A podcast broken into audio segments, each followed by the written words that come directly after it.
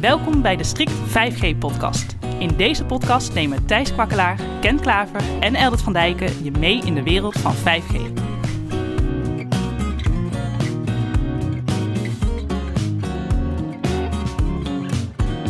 Dit is de Strict 5G podcast. Ik ben Thijs. Ik ben Elder. En ik ben Ken. 5G, daar hebben we het eigenlijk vooral over in de Strict 5G podcast. Maar we kijken ook graag naar de toekomst en de ontwikkelingen die nu al gaande zijn op de generatie die hierna komt. 5,5G. 6G. Oh, 6G.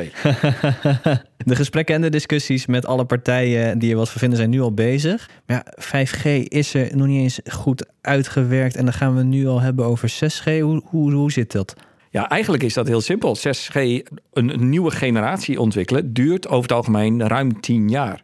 Uh, men probeert zeg maar elk decennium een nieuwe generatie op de markt te brengen. Ook omdat men denkt dat daarmee de marktvraag wordt ingelost. En de behoefte die er is van consumenten en gebruikers. En uh, 2010 was zeg maar het jaartal van 4G. 2020 het jaartal van 5G. Ja, het was eigenlijk 2019 december dat het live ging, maar goed, even 2020. Dus 2030 moeten we 6G hebben. En als je daar 10 jaar voor nodig bent, moet je eigenlijk rond 2020 al lang begonnen zijn. We hebben nog 7 jaar te gaan.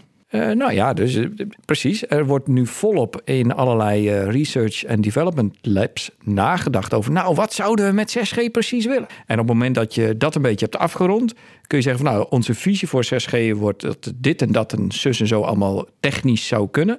En dan vervolgens heb je de industrie nodig om dat te ontwikkelen en uiteindelijk op de markt te brengen. En dat proces duurt ook heel wat jaren. Dus als je de tijdlijn eigenlijk bekijkt, is dat nu wordt bedacht hoe gaat 6G eruit zien. Maar dat daarna pas de mensen echt aan het werk worden gezet met, nou gaat het nu dan ook maar technisch mogelijk maken. Ja, we zitten nu in het proces van standaardisatie. En dat gebeurt onder andere via de 3GPP. Nee, we zitten nog niet in het proces van standaardisatie. Niet van 6G. Uh, nou, leg uit. Eigenlijk wat er nu gebeurt is dat de Internationale Telecommunicatie-Unie, de ITU, die bepaalt globaal van nou, wat zou 6G moeten? En iedereen in de hele wereld is nu druk bezig om na te denken over 6G. Wat zouden wij belangrijk vinden dat 6G moet kunnen? En de ITU overziet dat en maakt daar dan zeg maar de grootste gemene deler of zet het, uh, uh, zeg maar het piepketpaaltje nog net iets verder als wat we in eerste instantie denken. En die roepen dan, want bij 5G hebben ze dat bijvoorbeeld gedaan, het moet 20 gigabit kunnen. Dat hebben we vandaag de dag nog niet. Maar dat is wel de standaard van 5G. En voor 6G weten we nog niet waar zij het piketpaaltje neer gaan zetten. Maar het kan goed zijn dat ze zeggen: nou, het moet meer dan uh, 100 gigabit of het moet 1 terabit per seconde kunnen. Dat weten we op dit moment nog niet. De doelstellingen en, zijn nog niet bepaald, zeg je eigenlijk? Nee, want we zijn met nee. z'n allen nog aan het verzinnen van, nou, wat zou het ongeveer moeten kunnen?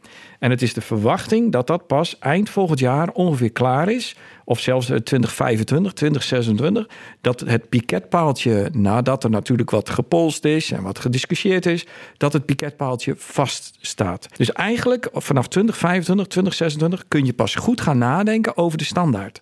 En het is de verwachting dat dat pas nou ja, na 2026 serieus zijn beslag krijgt. Tot die tijd zullen er wel studies worden uitgevoerd. Maar echt het standaardisatiewerk waarschijnlijk pas 2027, 2028, 2029 afronding. En vanaf 2029 zeg maar globaal hardware uitrollen, uh, software klaarmaken. En dan 2030 live gaan. Maar er was dan wel een beeld, en daar doelde ik eigenlijk op, van wanneer en welke releases 3GPP uh, voor 6G in beeld kwamen. We zitten nu uh, bij 5G in release 17, 18 ongeveer.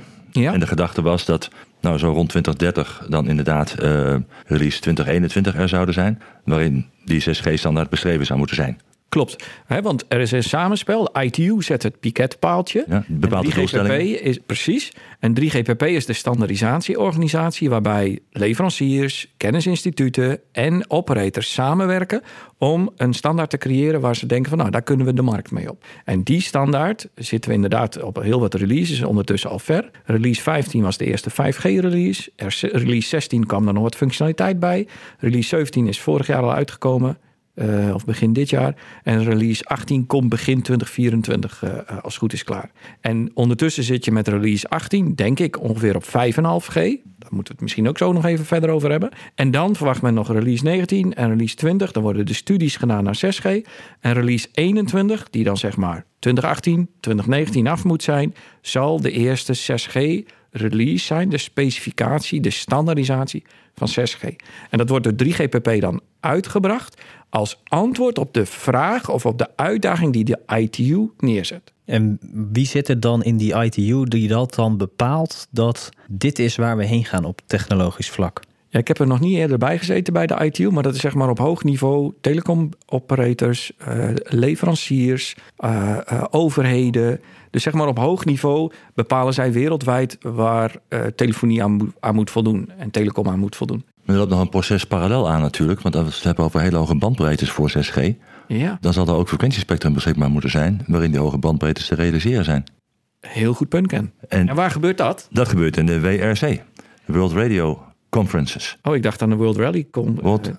Ook een leuk onderwerp. Moeten we het ook eens over hebben. Ja, een WSC is een, eh, een, eh, een, een bijeenkomst van uh, een heleboel landen, wereldwijde landen. En die wordt, is in regio's georganiseerd. En die komen één keer in zoveel jaar bij elkaar. En uh, nu begreep ik dat de discussies al zijn gestart over uh, mogelijke frequentiebanden, kandidaatbanden, waarin dit soort uh, diensten kunnen worden uitgerold. Ja. En het gaat echt over heel hoog spectrum. Het gaat over hoger spectrum dan we het tot dusver voor 5G over hebben gehad. Want wat is het hoogste wat 5G nu kent? Voor mij 26 gigahertz. 76 misschien nog, maar ik dacht, ik dacht 26 waar we het praktisch over hebben. Ja, en ze hebben ook al discussie over 52 gigahertz en zelfs in de 70. Ja, ik dacht 76 heb ik eens ergens gelezen. Ja. Um, maar goed, dat, of, dat, of dat gaat komen, weet niemand. Maar goed, dat zijn wel dingen voor vastgelegd wellicht. Ja. Of het ooit zal worden gebruikt voor 5G is de vraag. Want inmiddels is het dan misschien wel 6G. Ja. Maar dan heb je het echt over hele hoge frequentiebanden. Ja. Dat gaat ook over vele gigahertzen. Inderdaad, over tientallen, uh, wat ik zeggen, 50, 70, misschien wel 100 uh, uh, gigahertzband. Waarin dit soort diensten kunnen worden uitgerold. Nou ja, dus het radiospectrum waar ze het zelfs over hebben voor 6G, waarover na wordt gedacht, is dat het tot 1 terahertz, dus zeg maar tot 1000 gigahertz, denken ze nog door te gaan. Dus, en, en het loopt logaritmisch op, hè, dus de stap van 100 naar 200 is maar een klein stapje, terwijl je eigenlijk zou zeggen, dat is heel ver, maar dat, dat valt allemaal heel erg mee, vindt men. Dus het, het is het meest waarschijnlijk dat 6G in frequentiegebied ook tot boven 100 gigahertz zal gaan. En tegelijkertijd is er een hele hoop discussie om plek te vinden in het lage frequentiespectrum. Vooral omdat het mooie van die hele hoge frequenties is dat je gigantisch hoge datasnelheden kan halen. Maar het bereik neemt steeds meer af. En dan kun je dus zeg maar heel moeilijk een landelijk dekkend netwerk bouwen. Dus men is ook heel erg op zoek naar lage frequentiebanden. Dus zeg maar onder de 6 gigahertz. In het spectrum waar we nu uh, 3G en 2G zelfs ook nog en 4G en 5G hebben. Uh, om daartussen ook nog ergens 6G uh, te kunnen doen. Ja, maar je hebt ook veel meer opstelpuntjes nodig voor al die hele hoge frequenties. Ja. Want uh, voor, voor 5G, 3,5 gigahertz heb je al uh, nou, misschien wel twee keer zoveel opstelpunten nodig dan voor 4G nodig was. Um, maar voor 6G misschien wel 9 of 10 keer zoveel. En er zijn niet enorme masten, van die grote masten die overal die staan. Er zijn natuurlijk meer die kleine doosjes die je overal aan gevels kan, uh, kan monteren. Ja. Voor een heel lokaal bereik, omdat je hele kleine celletjes hebt voor die hoge bandbreedte. Ja. maar je hebt aanzienlijk meer opstelpunten nodig. Nou ja, Waarschijnlijk, ik denk dat je helemaal gelijk hebt kennen. Waarschijnlijk zal een 6G-zender het formaat krijgen van een wifi access point. Pizzadoosje? Of zelfs kleiner. Kleiner nog. Ja, ja, kleiner. En uh, daarnaast ook misschien niet heel veel verder dan het bereik van een, een wifi access point. Zeg maar 10, 20, 30 meter. Dat soort uh, moet je ongeveer aan denken. En dan zul je maar zo hebben dat in een winkelstraat om de 4, 5 winkels er een, uh, een, een wifi access point-achtig kastje hangt. Wat voor 6G zorgt. En dat zou dan een oplossing kunnen zijn. Maar dat kun je natuurlijk niet overal doen. En gelukkig hebben we niet overal uh, winkelstraten. Uh, tenminste, sommige mensen vinden dat jammer. Maar in zijn algemeenheid zeg maar het centrum van de stad... zul je heel dicht uh, op elkaar zenders terugvinden. Net zoals dat nu bij 4G en 5G ook al het geval is. Maar in landelijke gebieden kun je dat natuurlijk niet doen. Je kunt niet midden in het weiland weer een paaltje slaan... om daar een, een 6G-zender op te doen. Dus dat zul je met andere frequenties willen doen in een lager spectrum. Dus dat je een groter bereik hebt. Want anders is het niet realistisch om een landelijk dekkend netwerk te bouwen met 6G. Maar jullie zijn nu al een, een hele stap aan het bouwen van het, het landelijk dekkend 6G-netwerk en hoe je dat technisch gaat aanpakken. Maar voor welk probleem hebben we 6G nodig? Ah, maar dat is een hele andere, hele interessante discussie. Dus welk probleem moet opgelost worden met 6G? Ja. En dat is inderdaad een, eh, een, een hele interessante. Wat we terug horen zijn dat ook de dingen die we bij 5G uh, uh, volop in het nieuws zijn geweest. Hè, dus uh, opereren op afstand uh, of augmented reality. Hè, dat je elkaar nog op een andere manier of de omgeving kan waarnemen. Um, en, en voor autonome auto's. Eigenlijk zijn dit de dingen die met 5G nog niet waarheid zijn geworden. Mm -hmm. Die worden nu ook over het algemeen weer uit de kast gehaald om de noodzaak van 6G in het maatschappelijk verkeer aan te tonen. Dus eigenlijk hebben we niet op dit moment een probleem waarvan we denken, nou, zou fijn zijn als de technologie een stapje verder zou zijn. Ja, maar dat is zeg maar, dat heet latente behoefte, Thijs. Dus dat weet jij nog niet dat je die noodzaak voelt, maar die gaat er zeker komen. En in datzelfde perspectief is er bijvoorbeeld uh, rondom uh, 5G en de technologie daarvan, is er heel veel aandacht voor augmented reality, uh, voor mixed reality, voor de metaverse. Hè, zeg maar waar, waar Meta ook volop op inzet. En men hoopt ook een beetje dat dat de redder is van 5G, de noodzaak tot 5G. En dat misschien als we straks allemaal met augmented reality brillen rondlopen, die allemaal een gigabit per seconde nodig zijn, om maar iets te noemen, om een mm-hmm. fatsoenlijk beeldkwaliteit te krijgen, dat we dan 6G wel nodig zijn, omdat het anders niet gaat werken. Dus dat is eigenlijk de hoop, dat er een maatschappelijke behoefte komt, waardoor die technologie noodzakelijk wordt. Ja, en het is natuurlijk ook heel lastig om af te tasten. Je kent de, de al oude reclame van KPN van vroeger van ja, mobiele telefoon, nou, dat heb ik niet nodig. Nou, je kunt je een leven zonder mobiele telefoon eigenlijk niet meer voorstellen. Dus wellicht dat er ergens in de loop van de komende jaren, met dat we 5G eindelijk goed kunnen gaan gebruiken, er een behoefte gaat ontstaan waar we eigenlijk niet meer zonder willen en waar we eigenlijk een uitbreiding op willen. Dus ik snap ook wel dat daarin de, de lastigheid zit van ja, welk probleem ligt er nu echt waar we nu een oplossing voor gaan bedenken? Nou ja, wat, wat Nokia een tijdje terug heeft geroepen, en misschien heb ik dat al eens eerder genoemd, maar uh, wat ze eigenlijk zeggen, uh, 6G is het einde van de smartphone. Dus het device wat we kennen, wat we in onze zak hebben, hoezo moet dat in je zak? Dat heb je gewoon op je hoofd. En ik ben al brildragend, dus dat zou gewoon zeg maar in mijn bril geïntegreerd kunnen worden. Dus alle informatie die ik wil opzoeken, dat, dat zoek ik dan uh, en dat zie ik op mijn scherm, op mijn bril. Dan hoef ik niet naar een ander schermpje te kijken. Bovendien, ik ben op zoek naar iets, dus het wordt al op mijn beeld geprojecteerd van, oh ja, je moet door die deur, door die gang en dan ben je op je afspraak. En dat je op zo'n manier zeg maar allerlei nieuwe toepassingen gaat vinden, wat je niet meer doet op basis van je smartphone. En misschien wat het ook veiliger maakt in het dagelijks leven. Hè? Dat je nu ziet dat er mensen op straat lopen met een smartphone voor hun snuffert. Uh, en zonder dat ze kijken waar ze lopen. Dat je dat misschien veiliger kan gaan doen met een augmented reality bril. Waarbij je uh, data toevoegt aan je scherm. Maar dat je in ieder geval ook de straat nog ziet waar je loopt. Wat nu heel vaak niet meer het geval is. En eerlijk gezegd, ik maak me er ook af en toe schuldig aan. Als ik achter met de hond wandel, kijk ik soms eventjes naar mijn scherm en dan zie ik niet wat er gebeurt om me heen. Ik heb hem in de vorige podcast over het Mobile World Congres ook al iets over gezegd. Maar haptische toepassingen zoals uh, feedback die, die voelbaar is. Aan de ene kant heb je dan een sensor die bewegingen opneemt van iemand. Aan de andere kant van de lijn heb je dan iemand die die bewegingen voelt. Ja. Worden dus doorgegeven door een verbinding met een hele lage latency. Want anders is het niet real-time. Het is natuurlijk wel de bedoeling dat het real-time gebeurt. Of near real-time.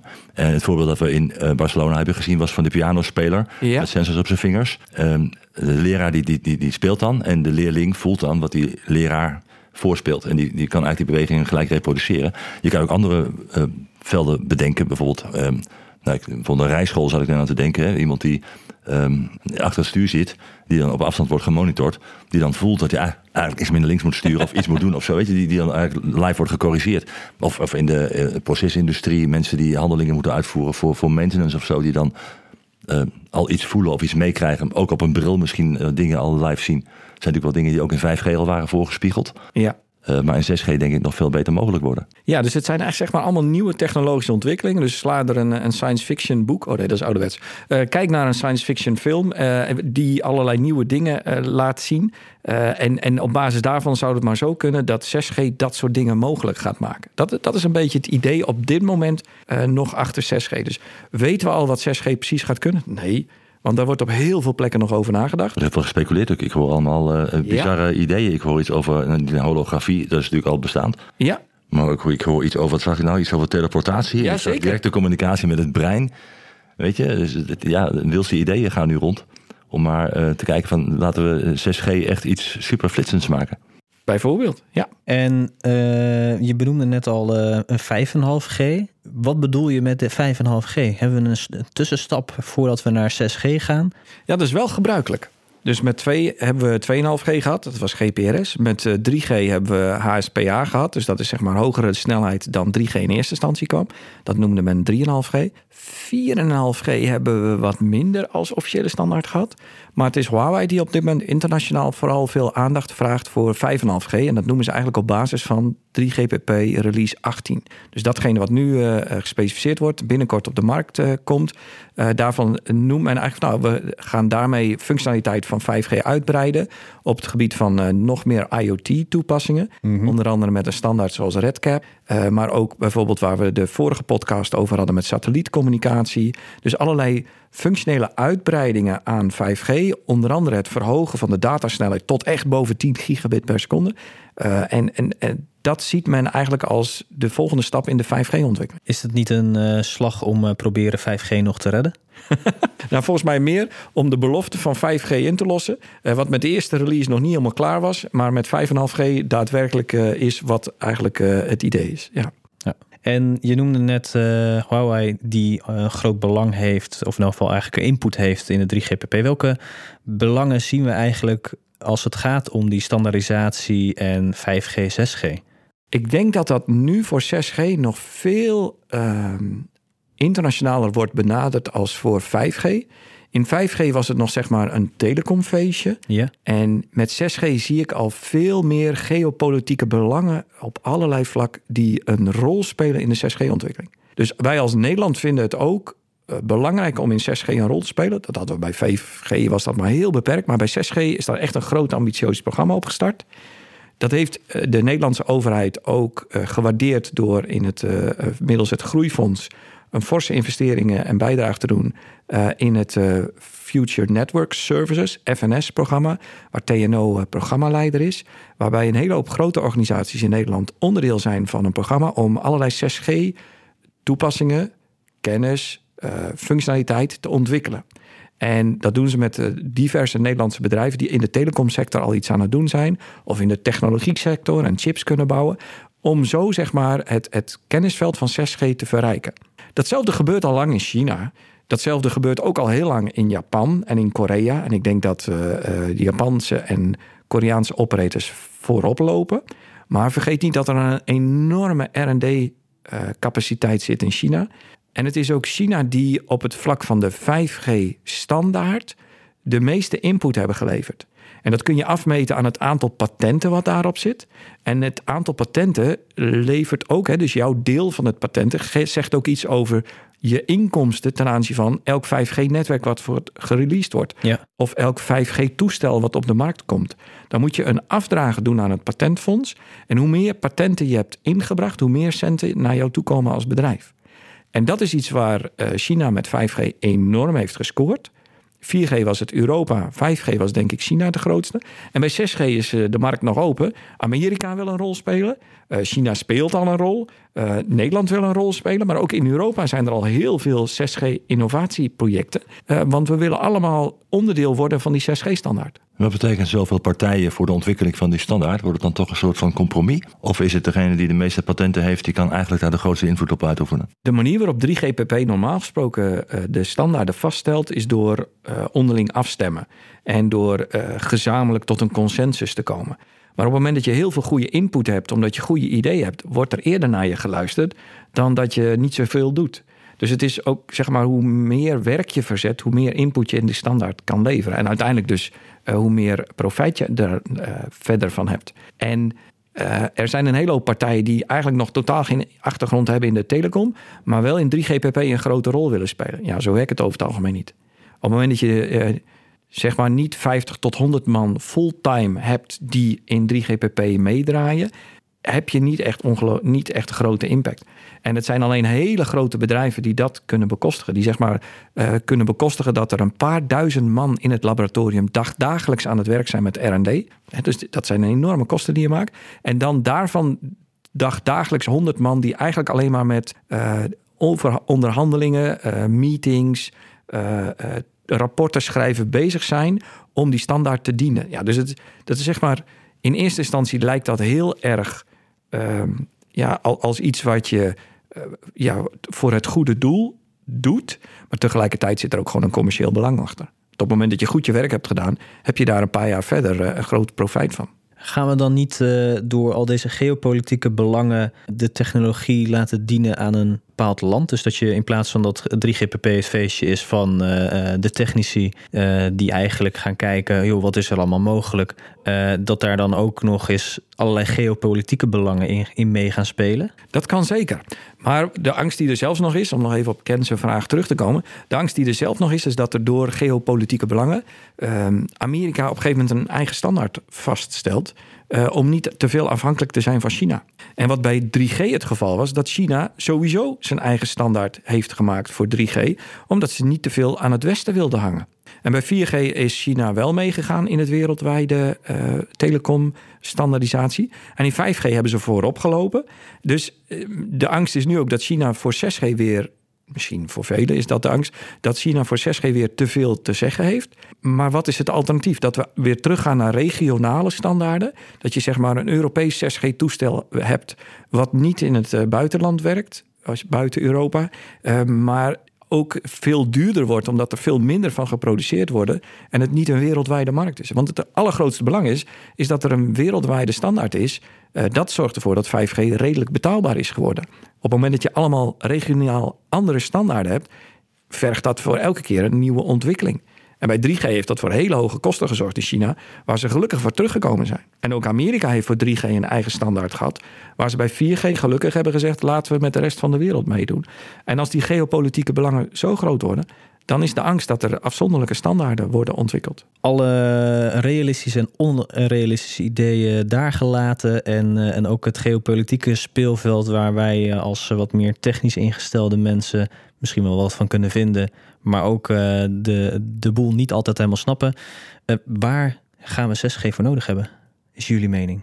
Nou, wat je bij uh, 4G zag, is dat netwerken op een gegeven moment overbelast werden, omdat ehm, de capaciteit ontoereikend is.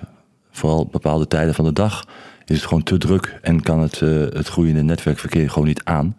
En dat zal je op enig moment bij 5G ook gaan krijgen. Zeker bij toepassingen die steeds zwaarder worden, steeds meer data verbruiken, steeds meer video, wel het al over AR en andere zaken. Ja. Uh, augmented reality. Uh, ik hoor al holografie en nog wat andere zaken. Uh, zal je heel veel meer bandbreedte nodig hebben die 5G in de huidige frequentiebanden ook niet kan faciliteren. Dus daarvoor is een nieuwe technologie nodig op nieuwe frequentiebanden. En dat zou 6G zomaar eens kunnen zijn. Een van de aspecten is bijvoorbeeld is dat je ook in 6G veel meer uplink kan gaan doen als bij 5G. En dus als je normaal gesproken internetverbinding hebt, dan ben je veelal uh, webpagina's aan het binnenhalen en stuur je af en toe wat, wat data terug. En het idee, zeker bij, inderdaad bij holografische verbindingen, is dat je ook je uplink, dus jouw beeld moet je ook zenden, behalve dat je iets moet ontvangen. En de, men wil in 6G veel meer een, een uh, gelijke up als down snelheid hebben om dit soort verbindingen veel beter te ondersteunen. Dus 6G wordt zeg maar op een iets andere manier ontworpen voor toekomstige applicaties waarvan men in ieder geval verwacht uh, met augmented reality heel veel te moeten doen. En dat is iets wat, 6, wat ja, 6G anders doet dan 5G. En ik denk ook dat we misschien nog niet over 10 jaar, maar in de jaren daarna heel erg blij zullen zijn dat 6G als standaard beschikbaar is om ook die hele hoge datasnelheid vraag die dan ongetwijfeld zal ontstaan uh, te kunnen invullen. En hebben we vandaag de dag 5G keihard nodig? Nog niet. Maar in 4G zit ook al echt congestie. En 5G is al een, een wens van veel operators op drukke stukken in het netwerk. En ik denk dat dat de komende jaren alleen maar urgenter zal zijn. Dus voor 2020, 2030 hebben we echt 5G al keihard nodig. En dus is het ook de verwachting dat na 2030 uiteindelijk 6G noodzakelijk zal zijn. Ook de, de groei van het mobiele dataverkeer. Ik bedoel, we lezen periodiek de, de Ericsson Mobility Reports, waar je keurig kan zien uh, hoe de datagroei zeg maar, is. En nog steeds toeneemt, met name op het gebied van video-applicaties. Ja. En uh, niet dat je zegt van nou, we hebben nu 5G, de capaciteit is meer dan genoeg. Als die trend zich doorzet, dan, dan zullen we echt uh, ja, 6G keihard nodig gaan hebben. Absoluut. Wij kijken dus enorm uit naar de volgende generatie. Maar tot die tijd, de eerste keer dat? De eerste keer dat voor mij uh, 6G zichtbaar was, was eigenlijk afgelopen voorjaar in Barcelona. Waarbij er al een speciale stand was van Ericsson, puur gericht op wat 6G uiteindelijk uh, zou kunnen doen. En ze hadden het daar al over heel interessante dingen, zoals wearables, dus zeg maar chips die in kleding verwerkt kan zitten, die hun energie eh, niet uit een batterijtje halen, maar uit de radiosignalen die door de lucht gaan. En dat je daarmee allerlei sensorinformatie al eh, door kon sturen. Dus dat vond ik een hele interessante. En het mooiste vond ik wel dat ze daar ook al gewoon een prototype van een 6G base station hadden staan. Waarbij de datasnelheid van meer dan 100 gigabit per seconde live gedemonstreerd werd. Dus voor mij was 6G nog iets van heel ver weg. Uh, en datasnelheden die absoluut nog niet realistisch waren.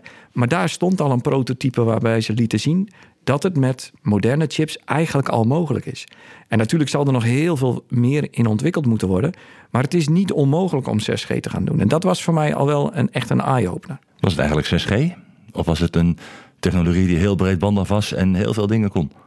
Natuurlijk was het nog geen 6G, want er is nog geen 6G standaard. Maar het is wel iets waar, eh, ja, men is nog heel hard aan het nadenken. Want hoe kunnen we, dus los van de applicaties, is men heel hard aan het nadenken van hoe gaan we dit überhaupt technologisch straks kunnen invullen. En die uitdaging uh, ligt er absoluut nog. En dat is ook wat er op, wat er op beurs gebeurt natuurlijk. Weet je, ze willen natuurlijk laten zien van, joh, als het zo meteen komt, dan gaat dit er ongeveer komen. Dit gaat eruit, zo gaat het er ongeveer uitzien. Ja. Deze toepassingen worden mogelijk. En uh, ja, zo'n base station, wat daar stond, ik had hem ook gezien. Uh, ja, het ziet er een mooi klein doosje uit. Ik denk, nou, het is weer nieuw, het is klein, het is energiezuiniger. Ook zo'n thema, hè? Ja. Het gaat er echt komen. Tof, hè? Dank jullie wel. Dit was de Strict 5G-podcast met Eldert, Ken en Thijs. Abonneer je op de podcast, zodat je direct weet wanneer er weer een nieuwe aflevering is. En laat ons ook vooral weten wat je ervan vond.